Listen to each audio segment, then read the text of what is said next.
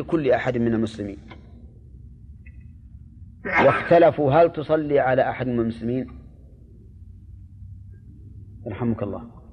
فمنهم من قال إنك لا تصلي إلا على الأنبياء. وعلى غيرهم تبعا لهم. مثل اللهم صل على محمد وعلى آل محمد. ومنهم من قال إنك تصلي على الأنبياء وعلى غير الأنبياء إلا أن تتخذ ذلك شعارا.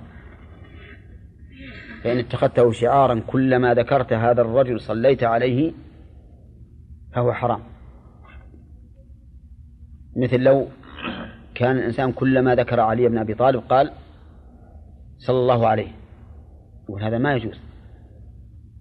لأنك إذا اتخذته شعارا له جعلت له خصائص يا سلمان تقول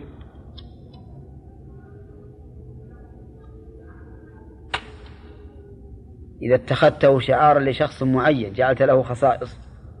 سلمان. خصائص من؟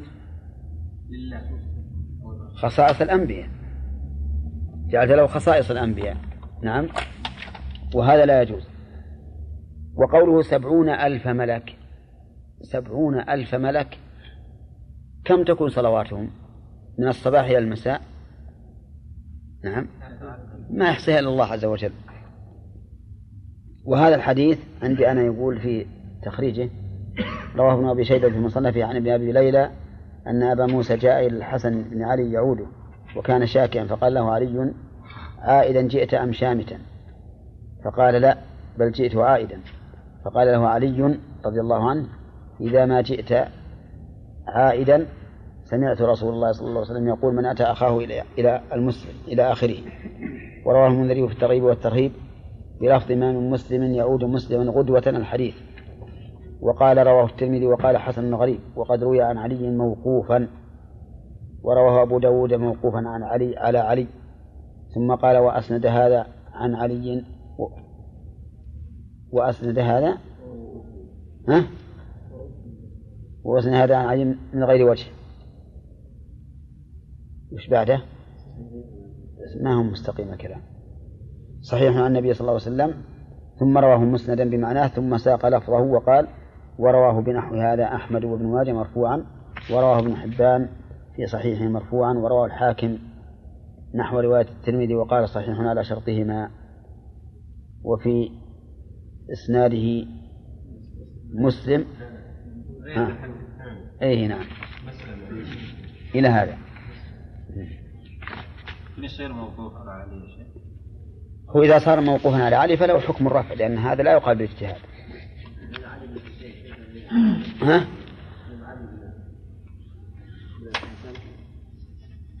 لا. علي بن أبي طالب. شيخ مسألة يعني إذا عطس الإنسان ثلاث عطسات متكررة نعم. هذه تعتبر حكم واحدة أو عطسة العلماء يقول الاعتبار بالتشميت. بالتشميت يعني لو عطس مثلا خمس مرات وإنت ما شمته تشمته ثلاث مرات. ثم تقول في الثالثة في الرابعة عافاك الله. طيب إذا علمت أنه مجنون نعم. يلزم أني أشمته ثلاث مرات؟ إي نعم. أو من الأول لا لا. تشمته ثلاث مرات ثم تقول هذا في هذا في الحقيقة في أشياء لها أسباب معينة معروفة. مثلا نهيق الحمار. إذا سمعته تقول أعوذ بالله من الشيطان الرجيم. لأن لأن الرسول أمر بذلك وقال إنها رأت شيطان. لكن إذا نهق لأني جبت العلف له. حمار إلى إلى جبت العلف له. ينهق. ولا شاف الأنثى. أيضا ينهق هل نقول يشرع الاستعاذة من الشيطان الرجيم؟ مع أن نعلم أن السبب ظاهر لنا. بناء على العموم. وكذلك الكلب. إذا شاف إنسان نبح. يعني الكلاب أحيانا تنبح بدون سبب معلوم لنا. هذه رأت شيطانا لا شك فيه. لكن أحيانا نعرف أن حرشتها أنت مثلا وضربتها ونبحت. هل نقول استعذ بالله من الشيطان الرجيم لأن الكلب رأى شيطانا؟ نعم ها؟ نستعيذ وش تقولون؟ نستعيذ نستعيذ نستعيذ وحنا نعرف إن هذا الحمار ما نهق إلا علشان العلف وافق الشيطان بعد ها؟ يمكن بعد الشيطان والله أما أنا أنا أوردتها على شيخنا عبد الرحمن السعدي وتبسم ولم يجب نعم لأن كنا آه، في ذلك الوقت نخرج إلى الوادي على الحمير ولا أقبل ال- الحمار على العلف نهق فأوردت عليه هذا الإيراد ولكنه تبسم ولم يعطينا جوابا فأنتم وش تقولون؟ ها؟ عجيب ها؟ إلا يكون معه شيطان لكن ربما لا يراه الحمار. هو لازم يراه. ولهذا دائما الإنسان يجي ولا ولا ينهق الحمار.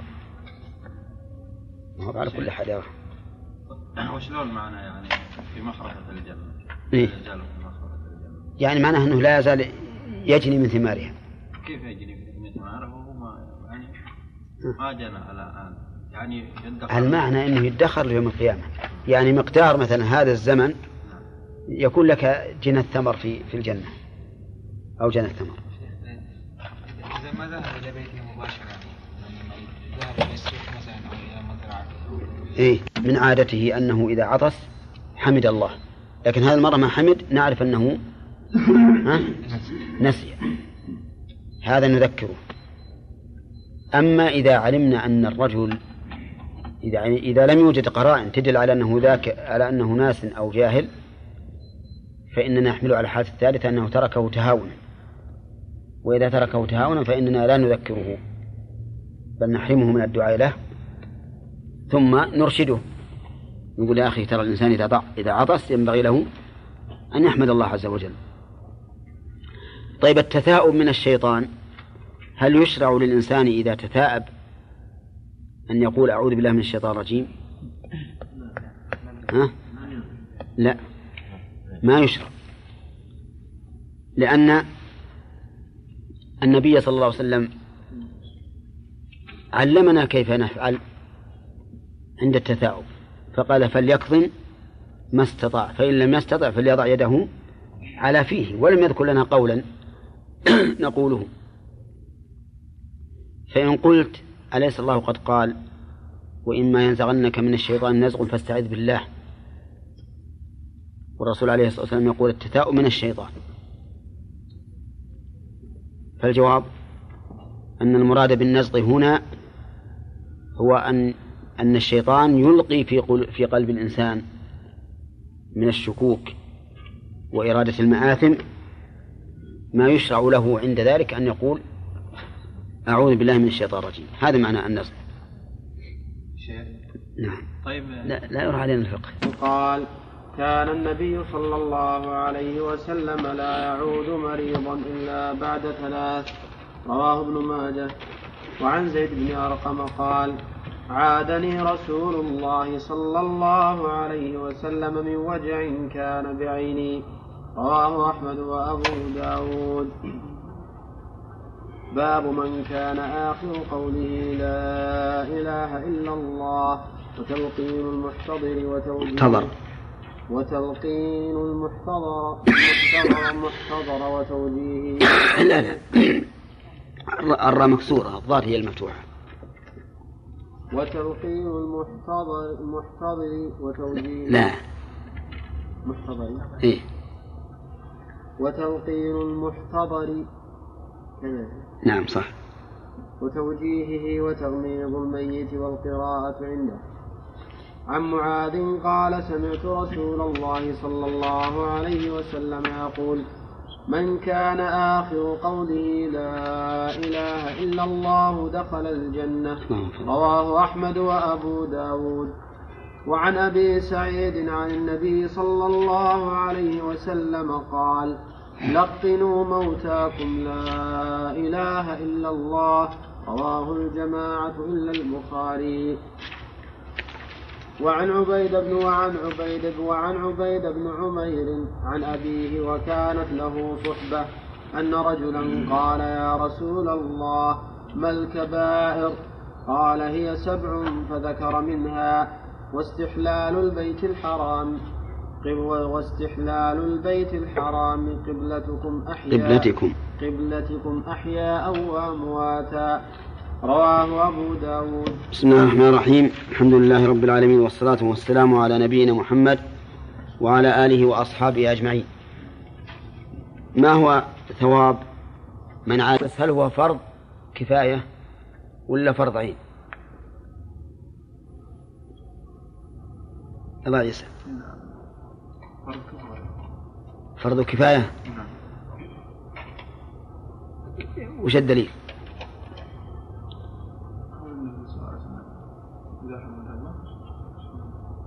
إذا عطس فحمد الله فشمته ما وجه الدلالة من الحديث؟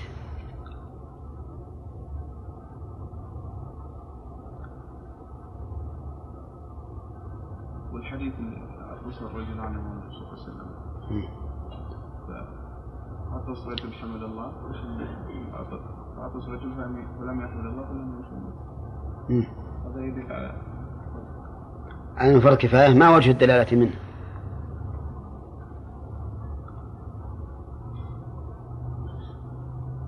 كان الرسول صلى الله عليه وسلم حديث أنهم ما شمتوه ولا أمرهم الرسول صلى الله عليه وسلم أو ألزمهم بتشميته. ولكن نقول إن هذا حق أنه ظاهر الحديث أن الرسول ما ألزمهم بتشميته ولا أمرهم به وأنهم ما شمتوه. لكننا لا ندع الشيء الواضح من أجل شيء محتمل. أليس يمكن أنهم شمتوه ولكن لم ينقل؟ يمكن. نعم لو قال ول- ولم نشمته شمته النبي صلى الله عليه وسلم ولم نشمته لكن ما فلما كان الأمر محتملا صار لا يترك الشيء الواضح من أجل الشيء المحتمل. نعم. ها؟ كيف؟ نعم. هذا اللي روى الحديث أنس بن كيف وما ذكر الصحابة كانوا جلوس مع النبي أنس بن مالك نفسه. أنس من الصحابة. والرجل الثاني أيضا. لا بعيد الأصل أنه الأصل أنه حاضر ولهذا يقول العلماء إن مرسل إن معنعن الصحابي محمول على الاتصال. ثم الرجل الثاني اللي, اللي عطس ولم يحمد الله. ما شمت. يعني ما نقل أنه شمت. يا شيخ ما نقول ان نادر يعني إنه يذكر آه، تشميت الصحابه لا الغالب إنه يذكر ما- قول الرسول وفعل الرسول. اي هو على كل حال إن فيه احتمال. الاحتمال لا شك إنه وارد. ولكننا لا ندع الاحتمال أو لا ندع الصريح من أجل الشيء المحتمل لأن الصريح محكم. والمحتمل ها؟ متشابه.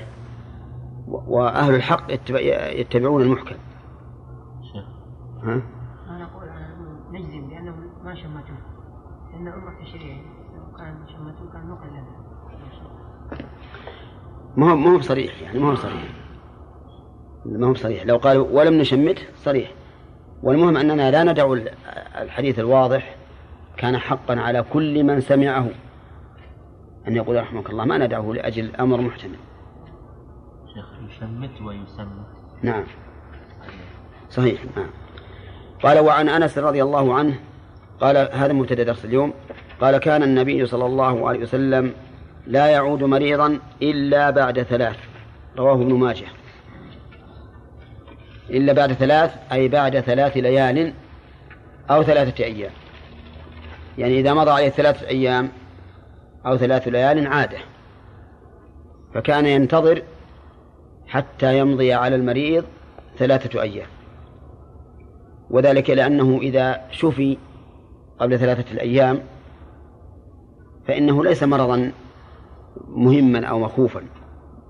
ولكن هذا الحديث عندي يقول فيه مسلم بن علي وهو متروك؟ مسلم؟ مسلم بن علي وهو متروك. والمتروك هو الذي يكون متهما بالكذب. والمتهم بالكذب روايته غير صحيحة. ولا ولا يقبل. هنا شيخ يقول في إسناده مسلم بن علي. مسلم. مسلم. مسلمة؟ لا لا عندنا ب... ما فيها تاء ما نعم. في تاء شيخ ولا الشيخ ما في نظرت السند وجدت في ما عندي شيء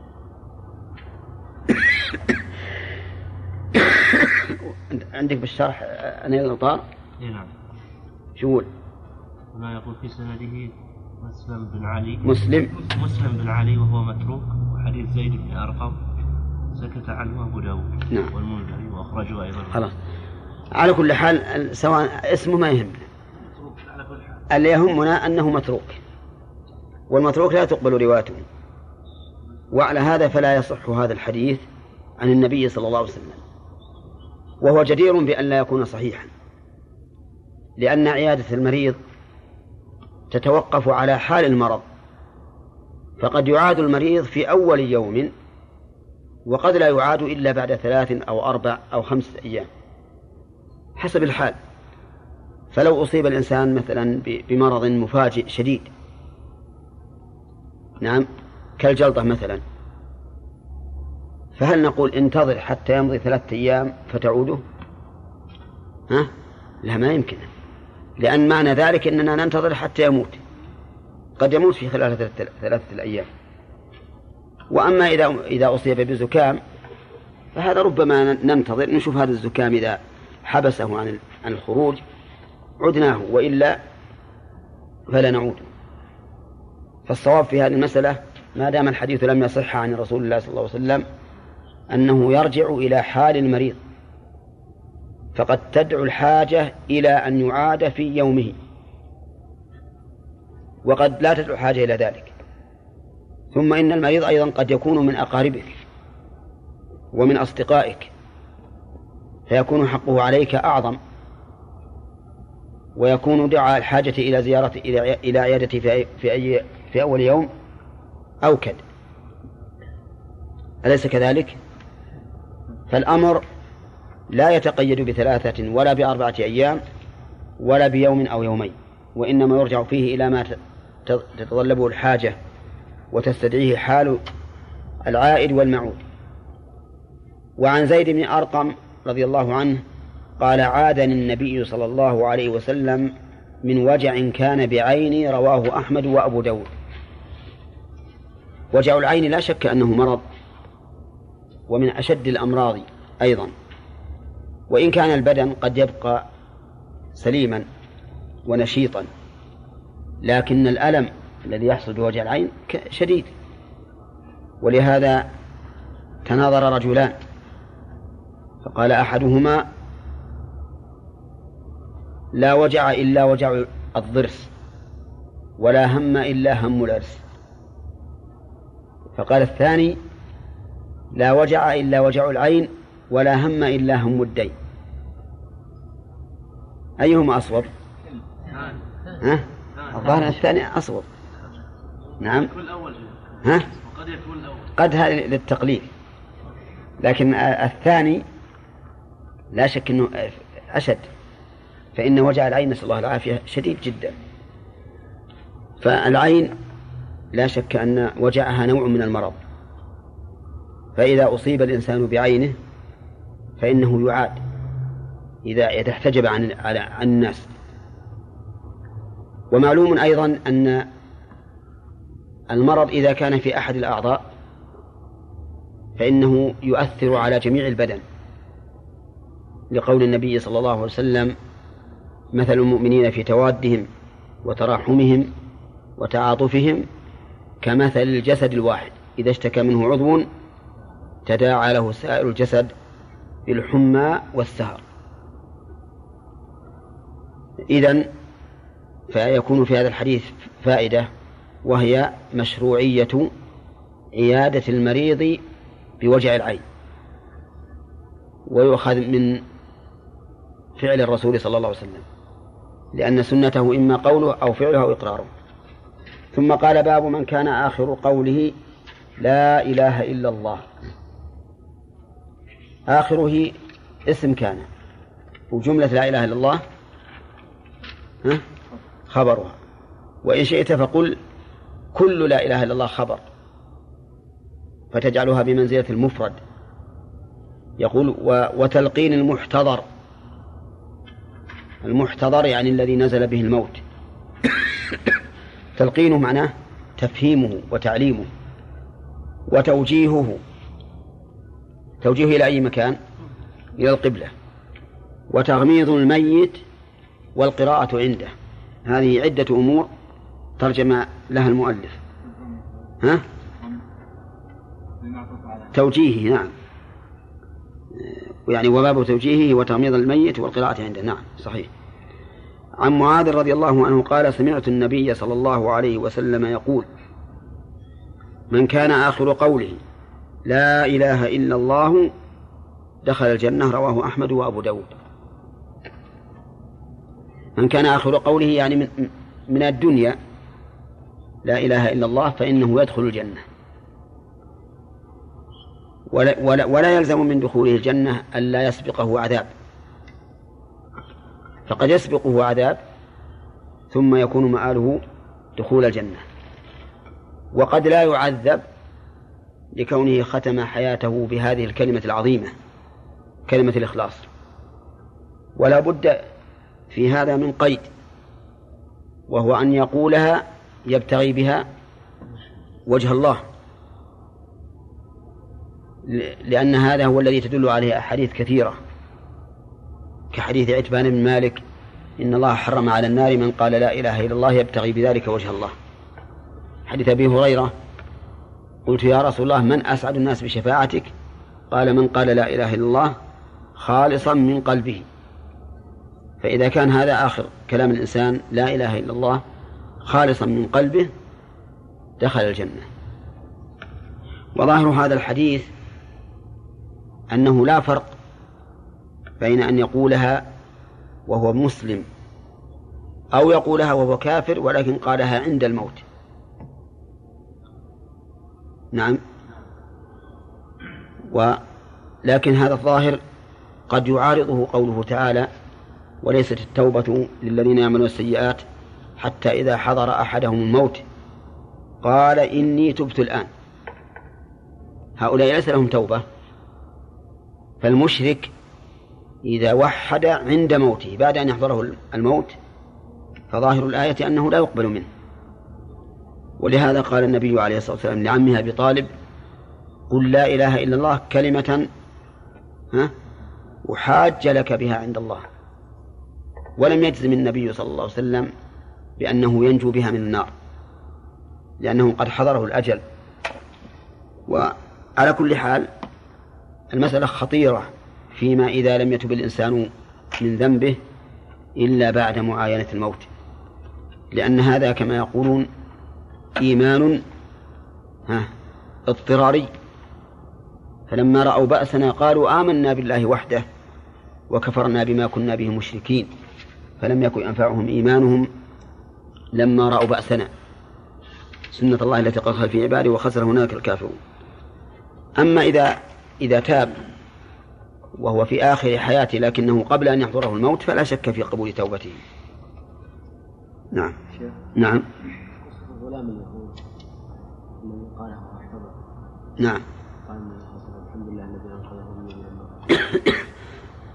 هذا يحتمل إنه محتضر أو إنه عند عند الموت. يعني رديء جدا. لأن ظاهر حال الغلام هذا أنه معه فكره وعقله ولهذا التفت إلى أبيه كالمستشير له. ما نقول يا شيخ إنه إذا كان يقولها اقتناعا فإنها تقبل منه وإن كان قالها فقط بس لأنه مسته الان الضرورة وأنه يعني ما قال اقتناع إنما قالها بس لينجو بها وإلا لم يقتنع بها. هو إذا قالها لينجو بها معناه اقتنع بها. لأنه ما تنجيه إلا إذا آمن بأنه لا إله إلا الله. هي المسألة فيها حديث في أبي هريرة رواه أبو هريرة أن الله يقبل توبة العبد ما لم ما لم يغرغر بروحه. فإذا صح هذا الحديث فإن نقول إنه يكون فيه زيادة فضل من الله عز وجل وتحمل الآيات الدالة على أنه إذا حضر إذا احتضر احتضر الإنسان لا تقبل توبته تحمل على هذا. نعم. ها؟ قال نصفها؟ يعني قال لا إله لا إله ومات. مشكلة هذا هذا تعطيل. ما ما ينفع الظاهر. الظاهر أنه لا ينفعه إلا عاد إذا كان مسلما من قبل.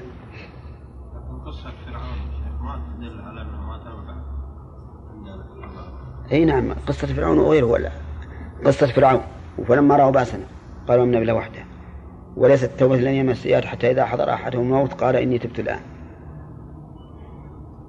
وحديث أبي طالب أيضا. كلمة أحاج لك بها عند الله. ما قال تنجو بها من عذاب الله. ها؟ إذا شاهد الإنسان المو- الموت. لأن الإنسان المحتضر يحس بحضور الموت. وملك الموت يخاطب روحه يقول اخرج أيتها النفس.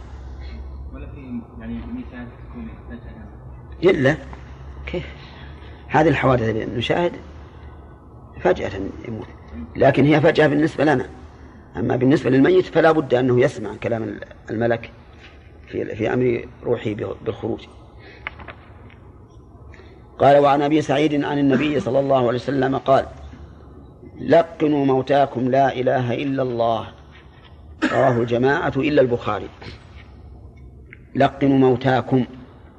يعني الذين أصابهم الموت ولم يموتوا.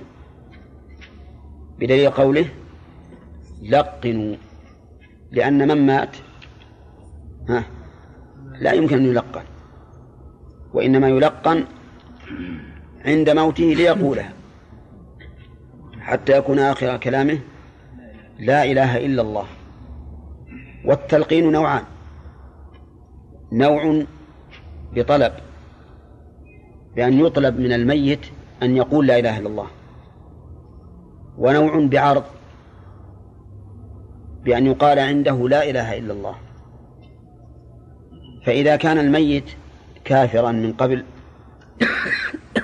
فإننا نأمره أن يقول لا إله إلا الله. كما فعل النبي صلى الله عليه وسلم بعمه أبي طالب.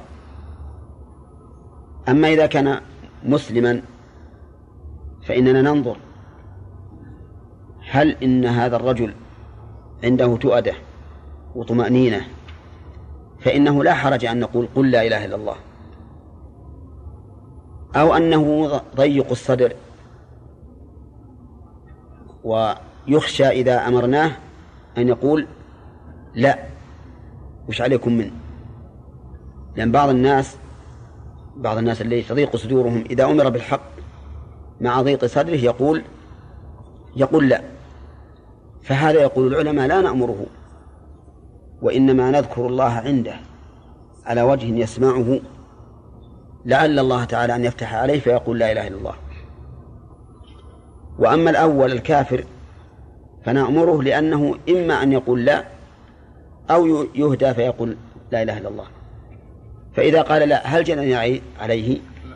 ما جنى عليه لأنه كافر من الأصل. بخلاف هذا المسلم وقول لقنوا موتاكم لا إله إلا الله يشمل أن يلقن الرجل المرأة والمرأة الرجل. فإذا كان الرجل لم يحضره إلا أهله من النساء فإنهم يلقنونه. وكذلك المرأة لم يحضرها إلا رجال أولادها مثلا فإنهم يلقنونها أيضا. وعلى حسب ما ما قلنا من التفصيل. فيستفاد من هذا الحديث مشروعية تلقين الموتى لا إله إلا الله. لقوله لقنوا. وهذا الأمر للاستحباب وليس للوجوب. فإن قال أحد بوجوب ذلك فهو أقرب إلى الصواب. لأن الأصل في الأمر الوجوب ولأن هذا التلقين يترتب عليه مصلحة عظيمة وهي أن يكون آخر قول الميت لا إله إلا الله. ويستفاد منه أن التلقين لا يكون إلا إذا تحققنا الموت فيه وأنه في سياق الموت. لقوله لقنوا موتاكم. ويستفاد منه فائدة لغوية وهو التعبير عن الشيء المحقق وإن لم وإن لم يصل إليه الإنسان. لقوله موتاكم. لأن المراد من احتضروا. وزعم بعض الناس زعم أن المراد بالموتى الذين ماتوا حقا وأن الميت ينبغي أن يلقن لكن مو إذا مات في البلد في البيت لكن يلقن إذا دفن. فيقال قل لا إله إلا الله. وهذا ليس بصحيح. أولا لأن هذا ليس من هدي الرسول عليه الصلاة والسلام. فقد كان النبي صلى الله عليه وسلم إذا فرغ من دفن الميت وقف عليه وقال استغفروا لأخيكم واسألوا له التثبيت. فإنه الآن يسأل. وثانيا أنه لا فائدة له من, من هذا التلقين في القبر. لأنه لا يطلب منه في القبر أن يقول لا إله إلا الله. وش المطلوب منه في القبر؟ أن يجيب على أسئلة محددة. من ربك؟ يقول الله. ما دينك؟ الإسلام. من نبيك؟ محمد. فلا فائدة من هذا التلقين. ثالثا أن يقال لا يمكن أن نثبت سماع الموتى إلا في محل النصوص الواردة فيها سماعهم. فالموتى لا يسمعون في بكل حال ولا في كل وقت. لكن ما ورد ما وردت به السنة من كونهم يسمعون نثبته. وما لم ترد فيه السنة فالأصل وش الأصل؟ عدم السماع. وردت السنة بأن الميت يسمع قرع النعال إذا انصرف الناس عنه. نثبت ذلك. لكن لو فرض أن هؤلاء الذين انصرفوا عنه صاروا يصرخون. إما بحمد الله على موت هذا الرجل وإلا يصرخون بالأسف والندم على موته. هل يسمع صراخهم؟ ها؟ الله أعلم لكن ما دام ما عندنا دليل على سماعه ما نجزم به. لأن الأصل أن الميت ميت. إنك لا تسمع الموتى ولا تسمع سم الدعاء إذا إذا ولوا مدبرين. وعلى هذا فنقول إن حمل الحديث على أن المراد به الموتى الذين ماتوا حقيقة ضعيف من وجوه ثلاثة. نعم. وقد علمتموها. نعم. ما يكون العرض بالحديث الأول. يعني إذا كان ضيق قال الرسول صلى الله عليه وسلم وكان آخر الجنة. إيه أخاف بس تزيد الحمى مليلة على ما قالوا الناس. أخاف إذا قلت من كان آخر كلامه قال هذا هذا معناه أنه أيس من يعني مؤمن مشكلة يا أخي. لا تقول الإنسان له أحوال. له أحوال. في في مثل الاحتضار يختلفون الناس اختلافا عظيما. يختلفون اختلافا عظيما. فالمهم من الإنسان العاقل ينظر ما تقتضيه الحال ويعمل به. نعم. الآن الذي يعمل به بلاد المسلمين يأتون عند ابن الميت أو أحيانا يقفون على قبره بس غالبا هو يفهم ويقول إذا سئلت فقل لا إله إلا الله وإذا قيل لك من نبيك فقل كذا أي. وإذا قيل لك ما دينك فقل كذا. نعم. ويحتجون يقولون يعني أنهم يسمعون. هذا يحتجون بفعل النبي صلى الله عليه وسلم قال لعمر ما انت بيسمع منه. إيه. نعم. من هذا في حديث عن أبي أمامة وهي تلقين الميت في قبره لكنه ليس بصحيح. هذا لو صح الحديث أنه يقف عليه ويقول يا فلان ابن فلانة يدعو بأمه أيضا. اذكر ما خرجت عليه من الدنيا شهادة لا إله إلا الله وأن محمد رسول الله ثم يقول له إذا قل قيل لك من ربك قل الله وهكذا. لكن الحديث هذا ما هو صحيح. ولذلك قال أصحابنا إنه لا يسن تلقين الميت بعد موته. شيخ من كان آخر كلامه لا إله إلا الله دخل الجنة هل معنى هذا يعني آخر كلمة يقولها؟ إي نعم. معنى هذا شيخ قلت يعني يلقن إذا نخرج عن هذا الرجل حتى نجعلها لا لا. طيب في أيضا لقنوا موتاكم لا إله إلا الله. إذا قال لا إله إلا الله نسكت. إذا قال لا إله إلا الله نسكت. فإن تكلم بعد ذلك ها أعادنا التلقين. لأجل أن يكون آخر كلامه لا إله إلا الله. نعم وهذه مسألة نبهنا عليها الأخ الوهاب. إنه مو معناه أنه إذا قال لا إله إلا الله ندعه ولو تكلم بعد ذلك. لا يقول العلماء إذا لقنه لا إله إلا الله وقال لا إله إلا الله فإن تكلم بعد ذلك أعيد التلقين. وإن لم يتكلم سكت. إذا استغفر يا شيخ بعد نعيد التلقين. يعني لا نقول من كان آخر كلامه لا إله إلا الله مو بالاستغفار نعيد عليه. نعم. قد يقول هذا فيما ورد ما ورد. موتاكم أي لا أبدا. لأنه ما ورد أن الرسول فسر هذا بأنه يلقنه بعد يلقنه بعد دفنه. نعم موتاكم الذين حضرهم الموت. إي نعم جواب الناجي واضح. إن المراد إن إنه لو كان كذلك لكان الرسول يفعل هذا الشيء. نقول ما يس... الأصل أن الموتى لا يسمعون إلا ما جاء به النص فقط. نعم.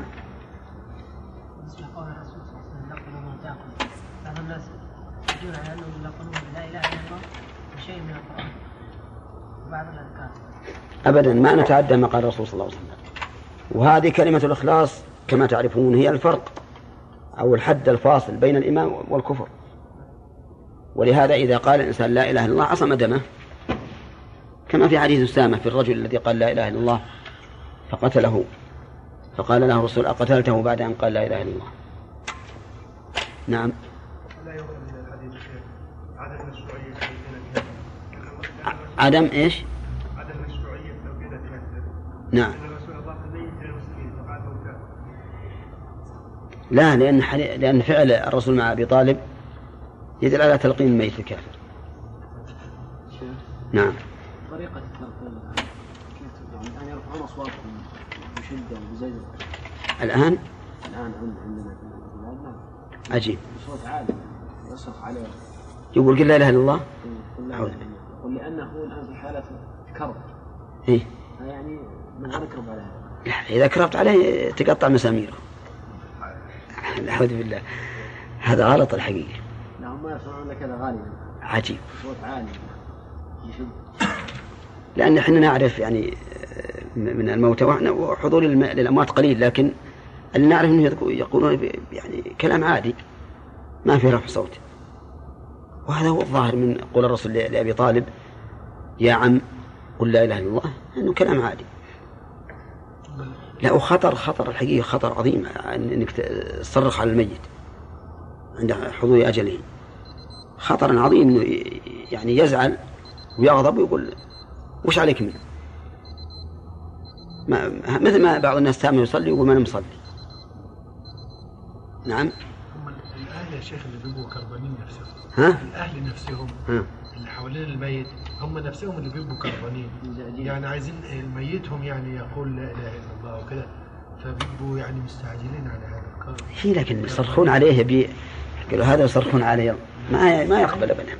كرب هم الكرب إيه، لكن ما يقبلون. الحمد لله رب العالمين والصلاة والسلام على نبينا محمد وعلى آله وأصحابه أجمعين. قال رحمه الله تعالى وعن شداد بن أوس قال قال رسول الله صلى الله عليه وسلم إذا حضر إذا إذا إذا حضرتم موتاكم فأغمضوا البصر فإن البصر يتبع الروح وقولوا خيرا فإنه يؤمن على ما قال أهل الميت رواه أحمد وابن ماجه. ما قرأنا؟ اي ما قالنا. حديث عمير ها؟ اللي قبله. فبه وكانت له صحبة. أن رجلا قال يا رسول الله ما الكبائر؟ قال هي سبع فذكر منها واستحلال البيت الحرام قبلتكم أحياء وأمواتا قبلتكم قبلتكم. قبلتكم أحياء وأمواتا. رواه أبو داود. وعن معقل بن يسار قال قال رسول الله صلى الله عليه وسلم اقرأوا ياسين على موتاكم. رواه أبو داود وابن ماجة وأحمد ولفظه ياسين قلب القرآن. لا يقرأها رجل يريد الله والدار الآخرة إلا غفر له. واقرأوها على موتاكم. بسم الله الرحمن الرحيم. الحمد لله رب العالمين والصلاة والسلام على نبينا محمد وعلى آله وأصحابه أجمعين. قال رحمه الله تعالى وعن عبيد بن عمير عن أبيه إلى آخره. سبق لنا أنه يستحب تلقين الميت قول لا إله إلا الله. فما صفة التلقين يا عيسى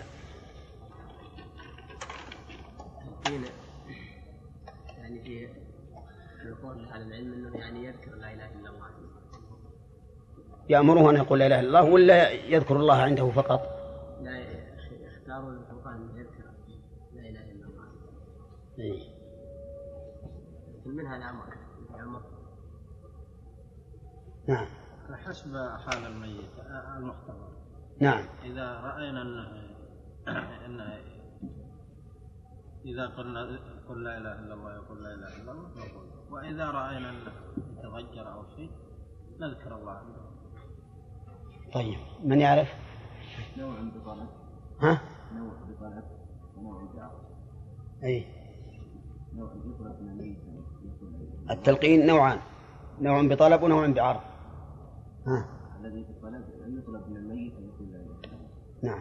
والذي بالعرض يقال أن الميت فيذكر به تذكيرا. طيب متى يكون الأول؟ طلب. أي. إذا كان كافرا. نعم. إذا كان الملقن كافرا. أو علمنا أنه لا يتضجر فيما لو قلنا له ذلك. لأننا مثل عرفنا أنه منشرح الصدر. طيب. ما هو الدليل على أنه يؤمر أمرا عبد الرحمن إذا كان كافرا؟ دليل ما فعله النبي صلى الله عليه وسلم مع عمه أبي طالب. ما فعله النبي صلى الله عليه وسلم مع عمه أبي طالب. نعم أنه كان يأمره أن يقول قل- لا إله إلا الله كلمة أحاج لك بها نعم. هذا الدليل.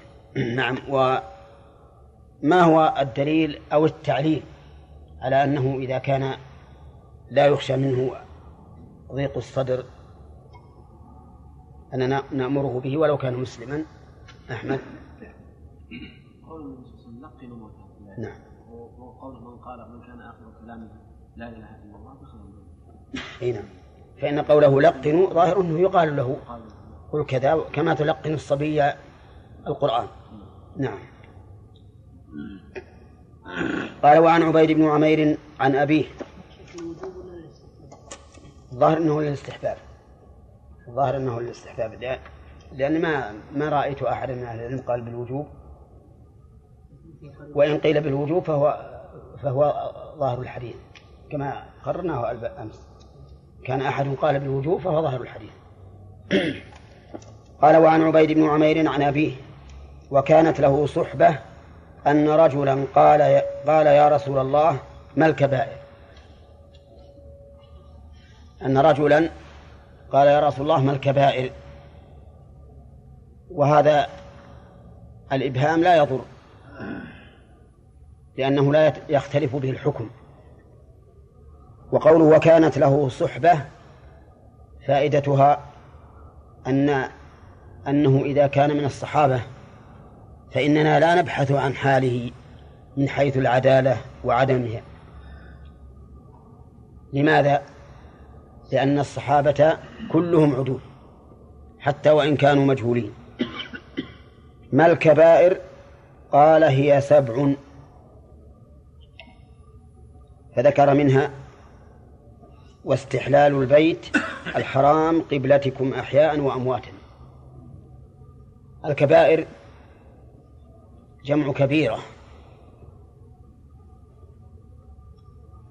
وقد اختلف العلماء رحمهم الله هل هي محدودة أو معدودة.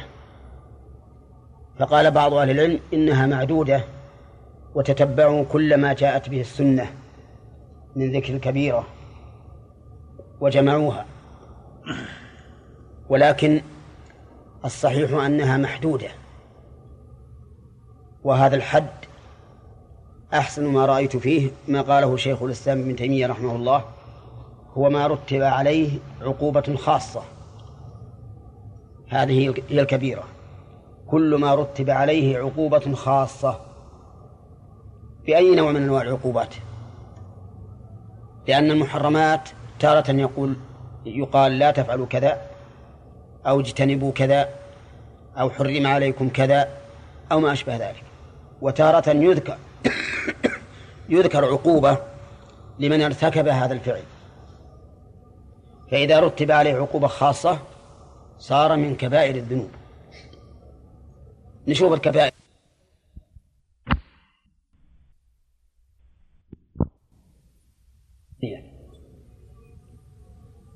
يكون كبيرة؟ نعم. لو رتب عليه نفي الإيمان. لا يؤمن أحدكم حتى يكون كذا وكذا. نعم. صار كبيرة لو رتب عليه البراءة منه. مثل ليس منا من فعل كذا. صار كبيرة ولكن مع ذلك يجب أن نعلم أن الكبائر تختلف. ليست كلها على حد سواء. فإن من الكبائر ما يكون قريبا من الكفر ومنها ما يكون قريبا من الصغيرة. فالزنا مثلا من كبائر الذنوب لكن الزنا بحليلة الجار أو الزنا بذات المحارم أشد أو لا؟ أشد وأعظم. قتل النفس من كبائر الذنوب لكن قتل ذوي القرابة أعظم وأشد.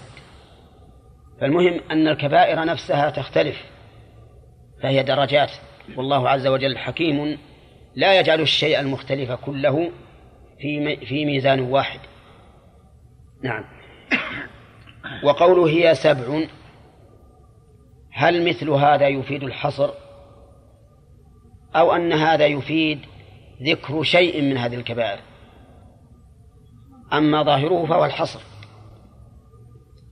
ولكن ليس مرادا. بدليل أن النبي صلى الله عليه وسلم قال اجتنبوا السبع الموبقات ولم يذكر منها استحلال البيت. فدل هذا على أن قوله هي سبع إنما أراد النبي عليه الصلاة والسلام ذكر سبع في هذا الموضع فقط. فلا ينافي أن يكون هناك كبائر سوى هذه. وقال واستحلال البيت الحرام.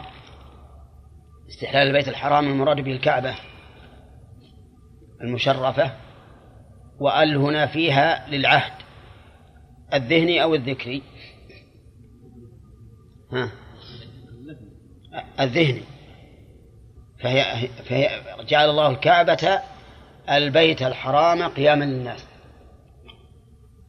وقوله قبلتكم أحياء وأمواتا. قبلتكم أحياء في كل الأحوال أو فيما يشرع فيه الاستقبال. فيما يشرع فيه الاستقبال. وأما قوله وأمواتا فظاهر صنيع المؤلف حيث ساقه مستدلا به على توجيه المحتضر إلى القبلة أن المراد بالأموات هنا من سيموتون. أو أنه يريد رحمه الله أن قوله أمواتا يشمل من سيموتون ومن هم قد ماتوا فإن الميت يوجه إلى إلى إلى القبلة في قبره. وأيا كان فإنه يدل على أنه ينبغي أن يوجه الميت إلى القبلة. لكنه في القبر أظهر من ممن إذا احتضر لأن الأصل في الموتى أنهم الذين فارقوا الحياة والمحتضر لا لم يفارق الحياة بعد. وليس هناك نص صريح واضح في أن الميت يوجه عند عند موته إلى القبلة. بل لو ادعى مدع أن ظاهر النصوص أنه لا يوجه وأنه يبقى على ما هو عليه لم يكن بعيدا.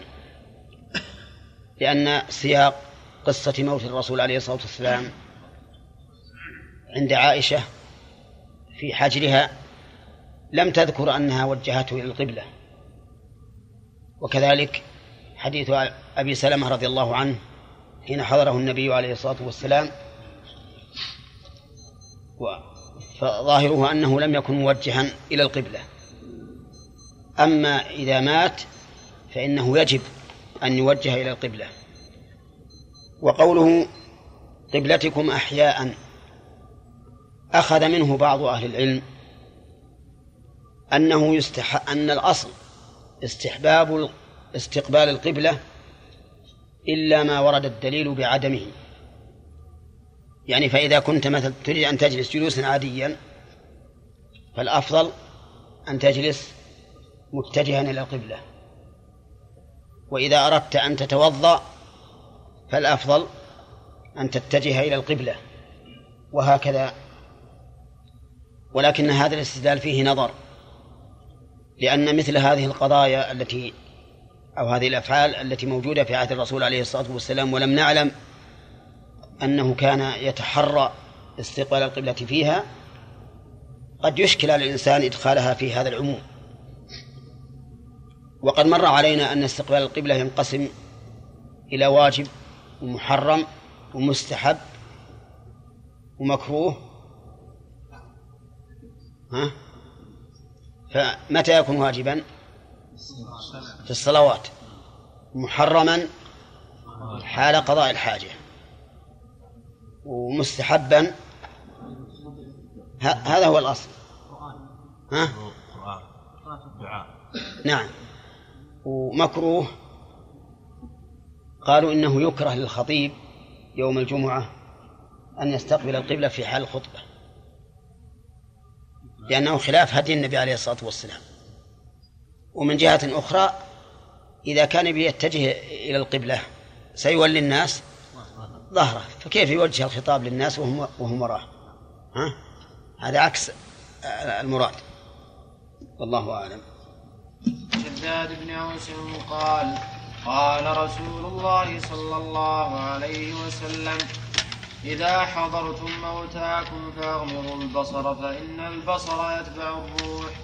وقولوا خيرا فإنه يؤمن على ما قال أهل الميت. رواه أحمد وابن ماجه.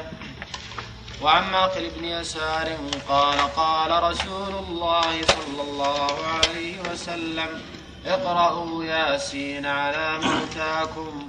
رواه أبو داود وابن ماجة وأحمد ولفظه ياسين قلب القرآن. لا يقرأها رجل يريد الله والدار الآخرة إلا غفر له. واقرأوها على موتاكم. باب المبادرة إلى تجهيز الميت وقضاء دينه.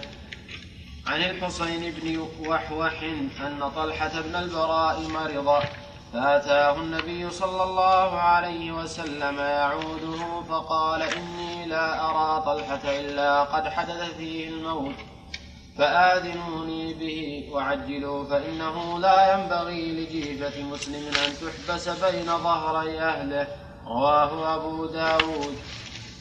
وعن أبي هريرة عن النبي صلى الله عليه وسلم قال نفس المؤمن معلقة بدينه حتى يقضى عنه.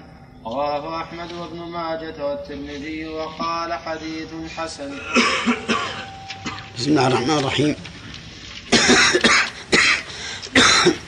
قال رحمه الله تعالى وعن شداد بن أوس قال كان رسول الله صلى الله عليه وسلم قال قال رسول الله صلى الله عليه وسلم إذا حضرتم إذا حضرتم موتاكم فأغمضوا البصر فإن البصر يتبع الروح وقولوا خيرا فإنه يؤمن على ما قال أهل الميت. في هذا الحديث حكمان. الحكم الأول إغماض البصر والحكم الثاني الدعاء بالخير. وفيه تعليلان. التعليل الأول فإن البصر يتبع الروح والتعليل الثاني فإنه يؤمن على ما قال أهل الميت. الذي يؤمن على ما قاله الميت الملائكة. فيستفاد من هذا الحديث أن الميت إذا مات شخص بصره وانفتح. كأنما يشاهد شيئا في السقف وهو يشاهد روحه إذا قبضت.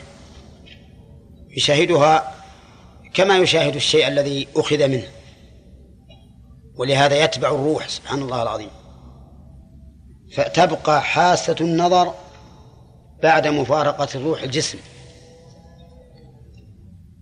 ومن ثم يأخذون القرنية قرنية عين الميت في هذه الحال فتبقى سليمة حية لأنها لا تموت جميع خلايا الجسم بمجرد خروج الروح. وهذا أمر مشاهد حتى في الحيوان إذا ذبح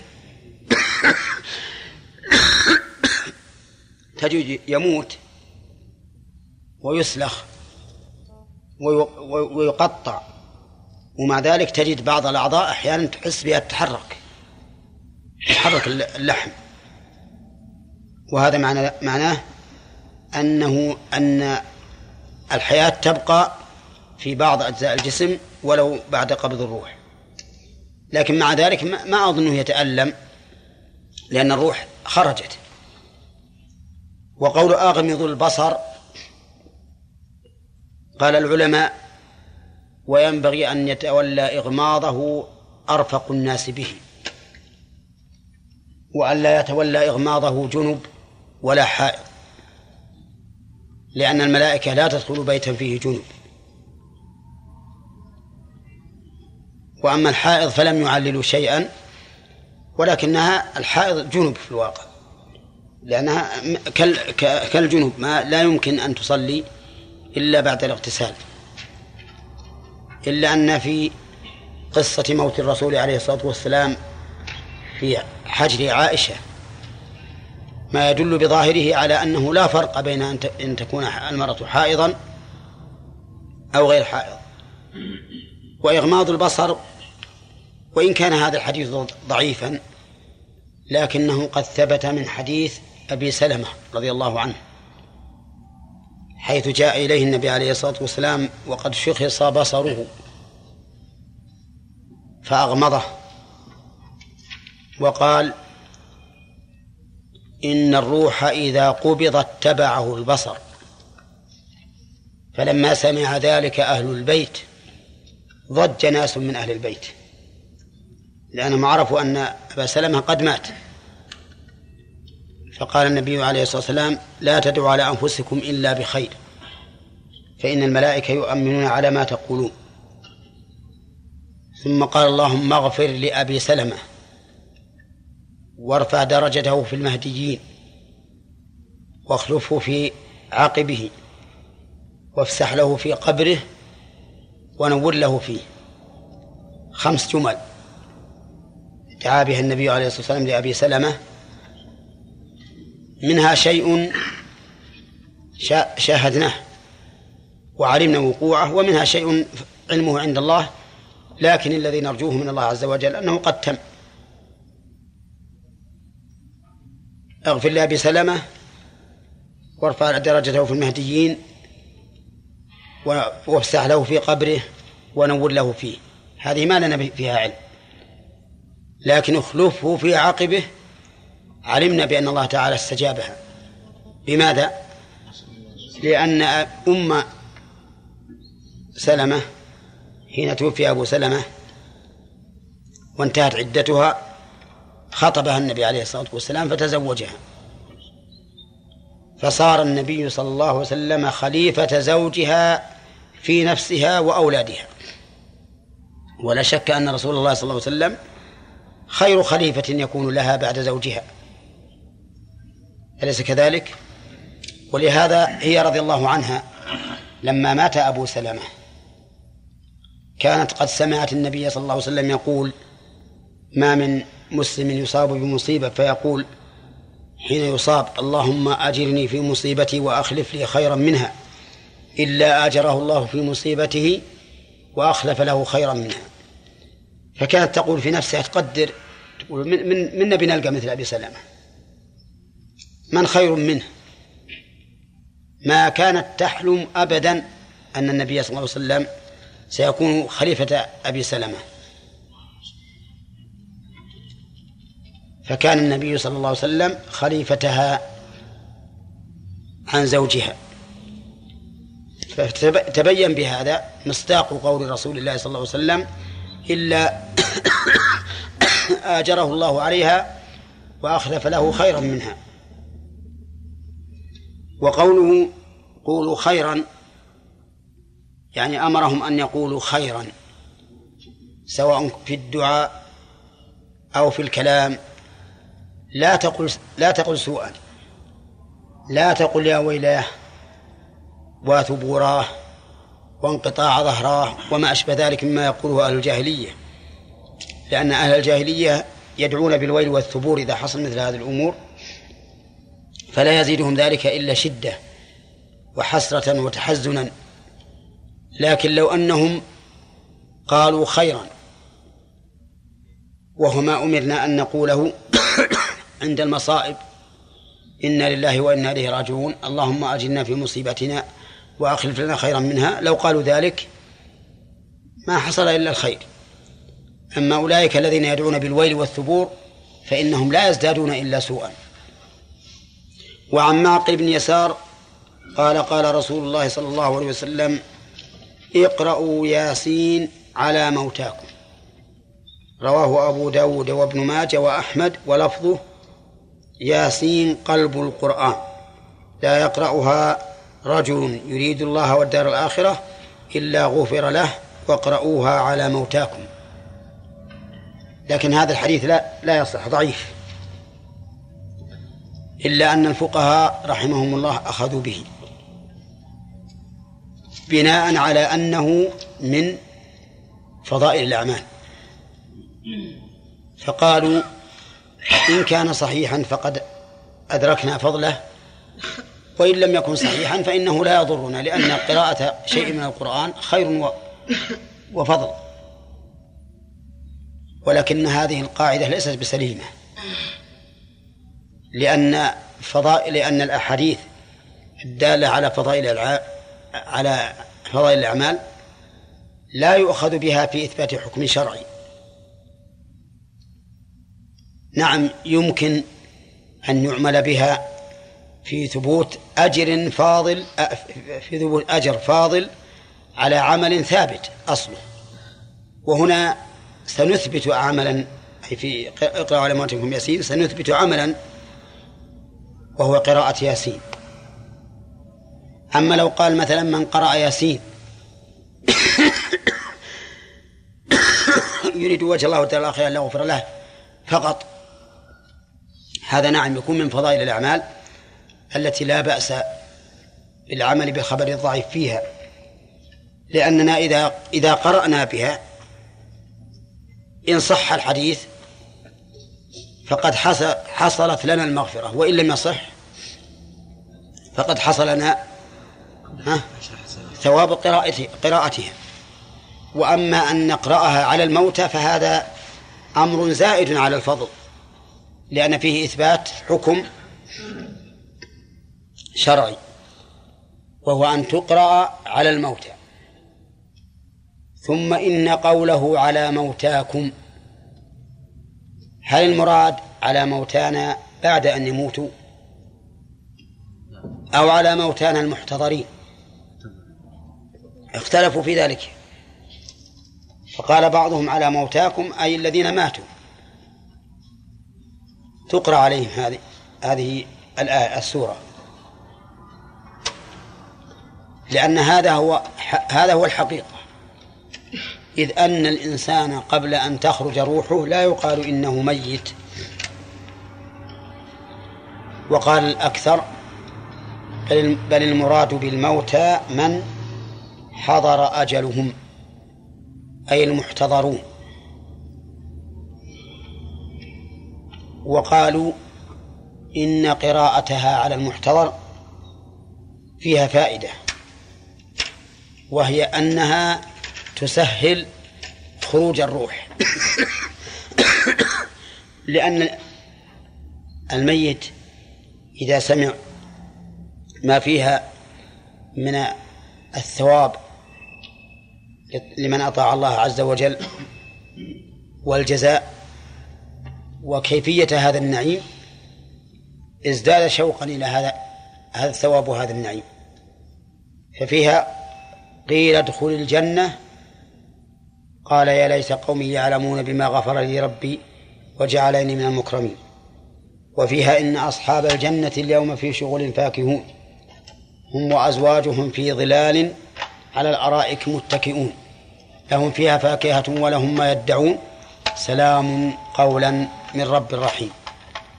فهذه فذكر الجنة وذكر أحوال أهلها تزيد الميت شوقا إلى هذه الجنة فيهون عليه الموت. ومن ثم قالوا ينبغي إذا كان الميت يخشى أن يضيق صدره. لو قرأت عليه ياسين فيقول معناه أني أني بموت. فيضطرب. قالوا ففي هذه الحال يقرأها عليه سرا. فإذا إذا علمت أنه محتضر يقينا فاقرأها جهرا. وإذا علمت وإذا شككت هل هو في نزع الموت أو في شدة مرض فلا تقرأها جهرا. لأنه إلى الآن ما تيقنت أنه ميت. فانتظر حتى تيقن وإلا فاقرأها سرا. نعم. ها؟ انتهى. الثاني؟ ها؟ لا ما دام الحديث ضعيف فلا فلا نثبت الميت وقضاء دينه. لماذا عدل عن الحديث؟ الذي أخرجه مسلم في أبي سلمة وذكر هذا الحديث. الظاهر أنه عدل عن ذلك لأن ذاك سنة فعلية وهذا قول. ولكن لو أنه لما ذكر لو لو جعل ذلك أصلا إذا بسلمة وجعل هذا فرعا لكان أولى. لو أراد الطالب أن يحفظ مثلا هذا الحديث هل يحق له مكان هذا ويقول لا لا لا إذا أراد أن يحفظ يحفظ حديث أبي سلمة. أحسن من هذا. نعم. الأعمى ما يحتاج إلى تعميم. إلا إن, إن الله أعلم. الله أعلم. فظاهر الحال أنه ما يتبعه لأنه لا بصر له. نعم.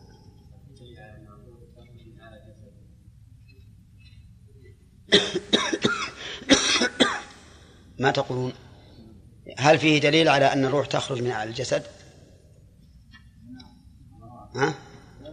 ها؟ لا لا لا لا. ما نقول هل فيه دليل نقول هل فيه هذا الحديث.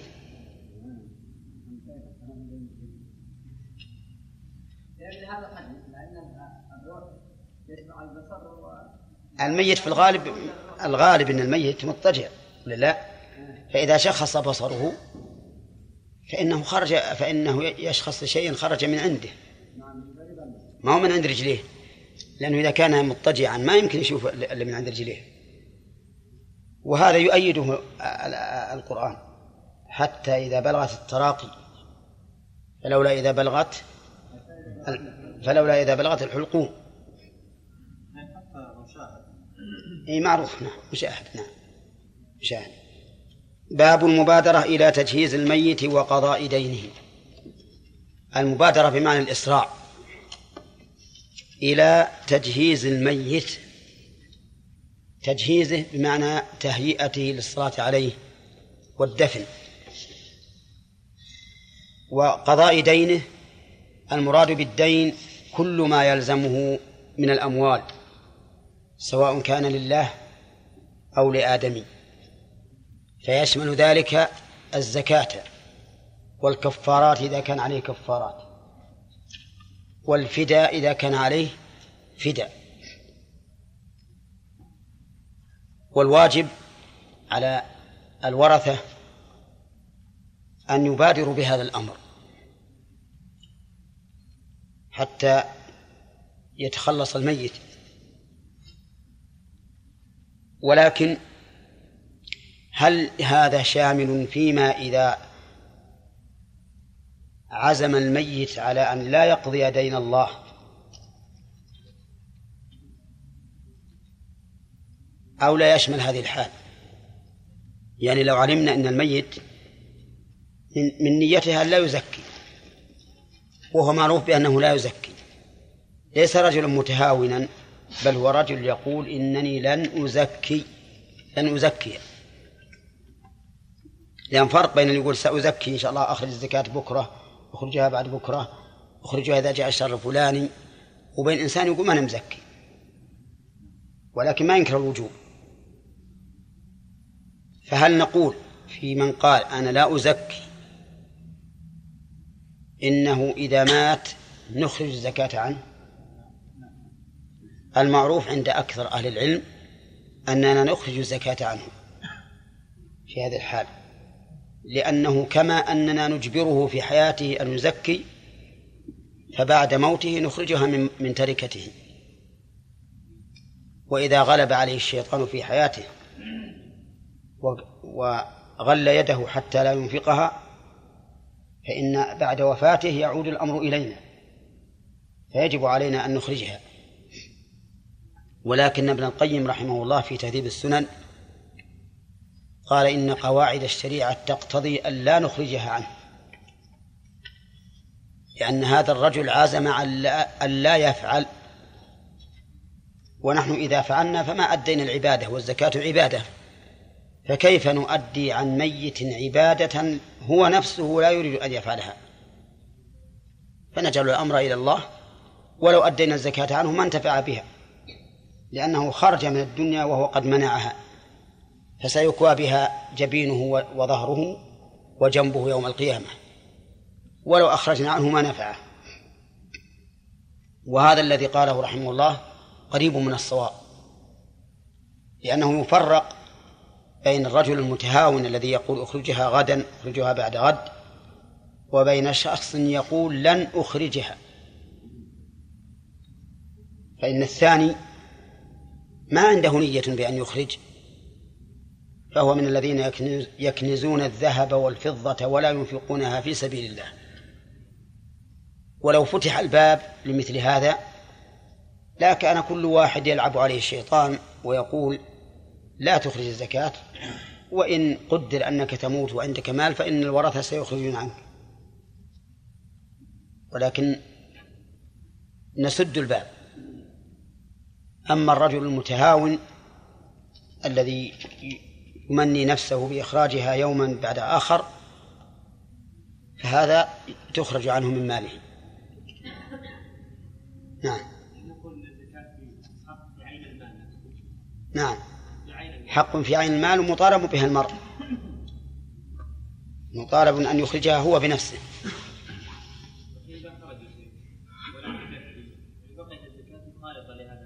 ما هي مخالطة؟ هي ما هي زكاة واجبة بعينها؟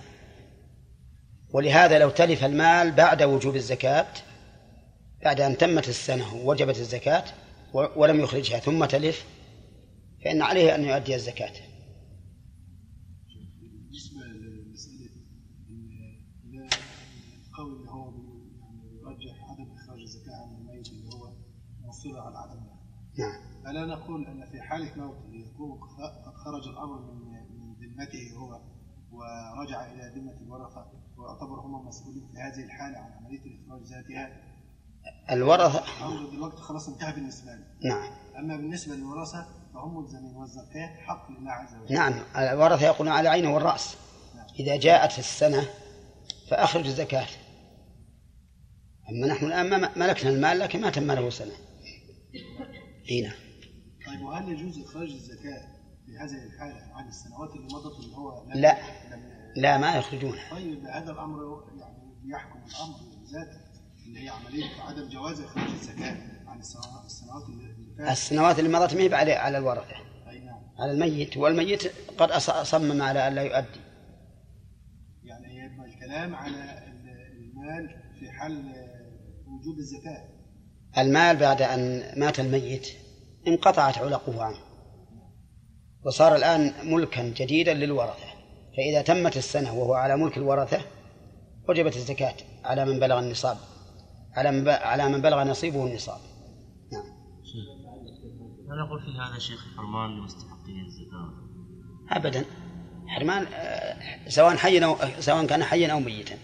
نقول في في وفاته مثلا لم تنفعه تنفع المستحقين ما تنفعه إذا لم إذا إذا لم ت- إذا كانت إذا كان المقصود نفع المستحقين صارت من باب التبرع. والورثة يقول ما إحنا متبرعين. نعم. لا أما ما تعلق بحق الغير من حقوق الآدميين كالديون فهذه لا بد أن أن تؤدى لا بد أن تؤدى حتى لو فرض أن الرجل كان قد أنكر الحق في حال حياته والورثة يعلمون أن الحق واجب عليه وهو منكر له كما يوجد كثيرا من الناس أو كما يوجد كثير من الناس ينكر الحق ويموت وهو منكر له. يقول لصاحب الحق ما لك عندي حق؟ ولكن ورثة الميت يعلمون أن الحق واجب عليه. ففي هذه الحال يجب عليهم إخراج الحق. طيب يقول عن الحسين بن وحوح أن طلحة بن البر- بن البراء مرض فأتاه النبي صلى الله عليه وسلم فقال يعوده فقال إني لا أرى طلحة إلا قد حدث فيه الموت فآذنوني به. ها؟ ما أرى.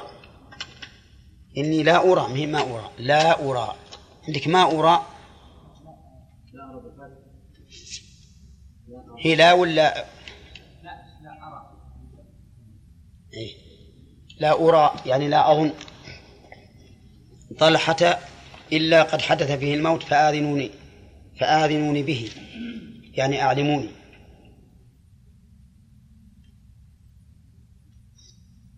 وعجلوا فإنه لا ينبغي لجيفة مسلم أن تحبس بين ظهري أهله. رواه أبو داود. وهذا الحديث ضعيف من حيث السند لكنه يشهد له ما ثبت في الصحيح بل في الصحيحين من قوله عليه الصلاة والسلام أسرعوا بالجنازة. فإن تك صالحة فخير تقدمونها إليه وإن تك سوى ذلك فشر تضعونه عن رقابكم. فإن الأمر بالإسراع بها في حملها يدل أيضا على أنه ينبغي الإسراع في كل شؤونها ولأن الإسراع بها فيه مصلحة لها إذا كانت من المؤمنين. لأن نفس المؤمن تقول إذا خرج من البيت قدموني قدموني. ثم إذ إنه إذا كان من المؤمنين فإن الإسراع في تجهيزه من مصلحته لأنه إذا دفن وسئل وأجاب بالصواب يفتح له, باب إلى الجنة ويأتيه من روحها ونعيمها فينسى كل ما مر عليه من الدنيا وهذا لا شك أنه خير له وأما الكافر. فإن تنجيزه والتخلي عنه لا شك أنه راحة ومصلحة للأحياء. وصاحب الشر كلما أبعدت عنه وأبعدته عنك فهو أكمل وأفضل. وقوله فإنه إذا إذا صح الحديث. فآذنوني. يستفاد منه. أنه يجوز للإنسان أن يقول لأهل الميت إذا إن مات فلان فأخبروني أو إذا فرغتم منه فأخبروني أو ما أشبه ذلك. ويستفاد منه أن الإخبار بالموت لا يعد من النعي الذي نهى عنه الرسول عليه الصلاة والسلام. لأن النعي المنهي عنه أن يعلن في الأسواق مثلا. يمشي في الأسواق مات فلان ابن فلان مات فلان ابن فلان. فإن هذا من النعي المكروه الذي نهى عنه الرسول عليه الصلاة والسلام. و وفي قوله فإنه لا ينبغي لجيفة مسلم أن تحبس. عبر بالجيفة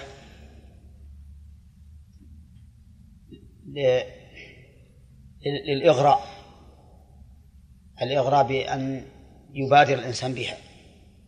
لأن كل إنسان لا يرغب أن تبقى الجيفة عنده. لأن الجيفة في عرف الناس أمر مكروه مقابلته. ولهذا عبر بالجيفة.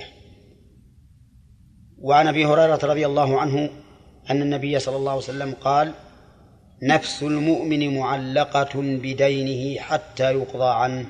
رواه أحمد وابن ماجه والترمذي وقال حديث حسن. لكن عندي في في الحاشية ما عندي حاشية عليه ما وش عندكم في الشرح؟ حديث رجال رجال اسناده ثقات إلى عمر بن أبي سلمة بن عبد الرحمن وهو صدوق يخطئ. فيه الحث للورثة. ها؟ فيه الحث للورثة على قضاء دين الميت. والإخبار لهم بأن نفسه ما ذكر غير هالكلام هذا؟ ها؟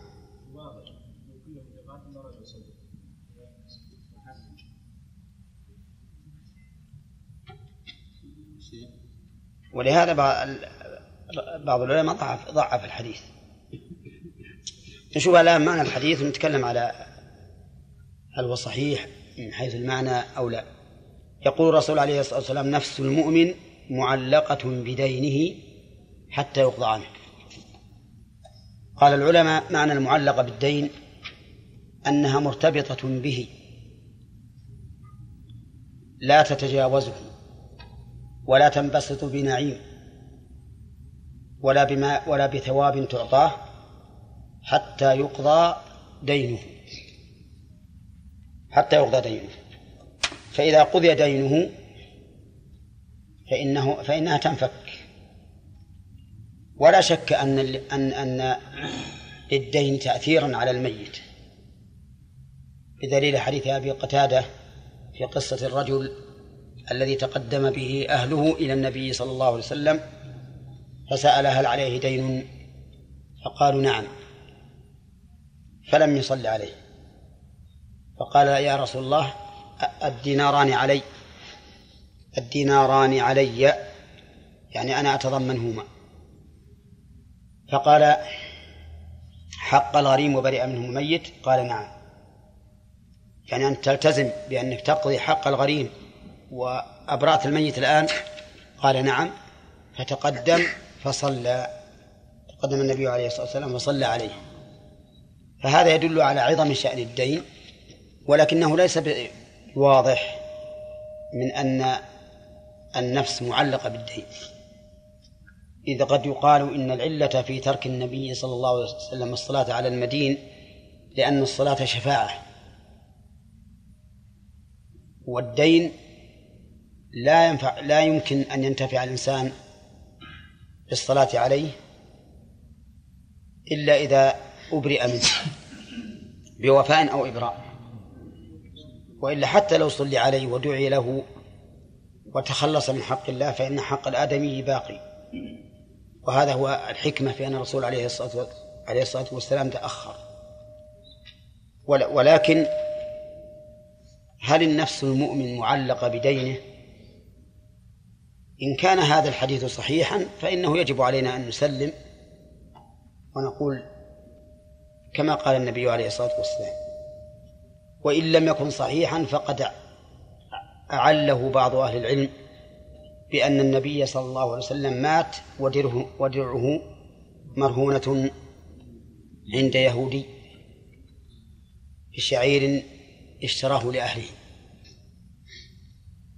وقالوا إن مثل هذا يبعد أن تكون نفس النبي صلى الله عليه وسلم معلقة بدينه.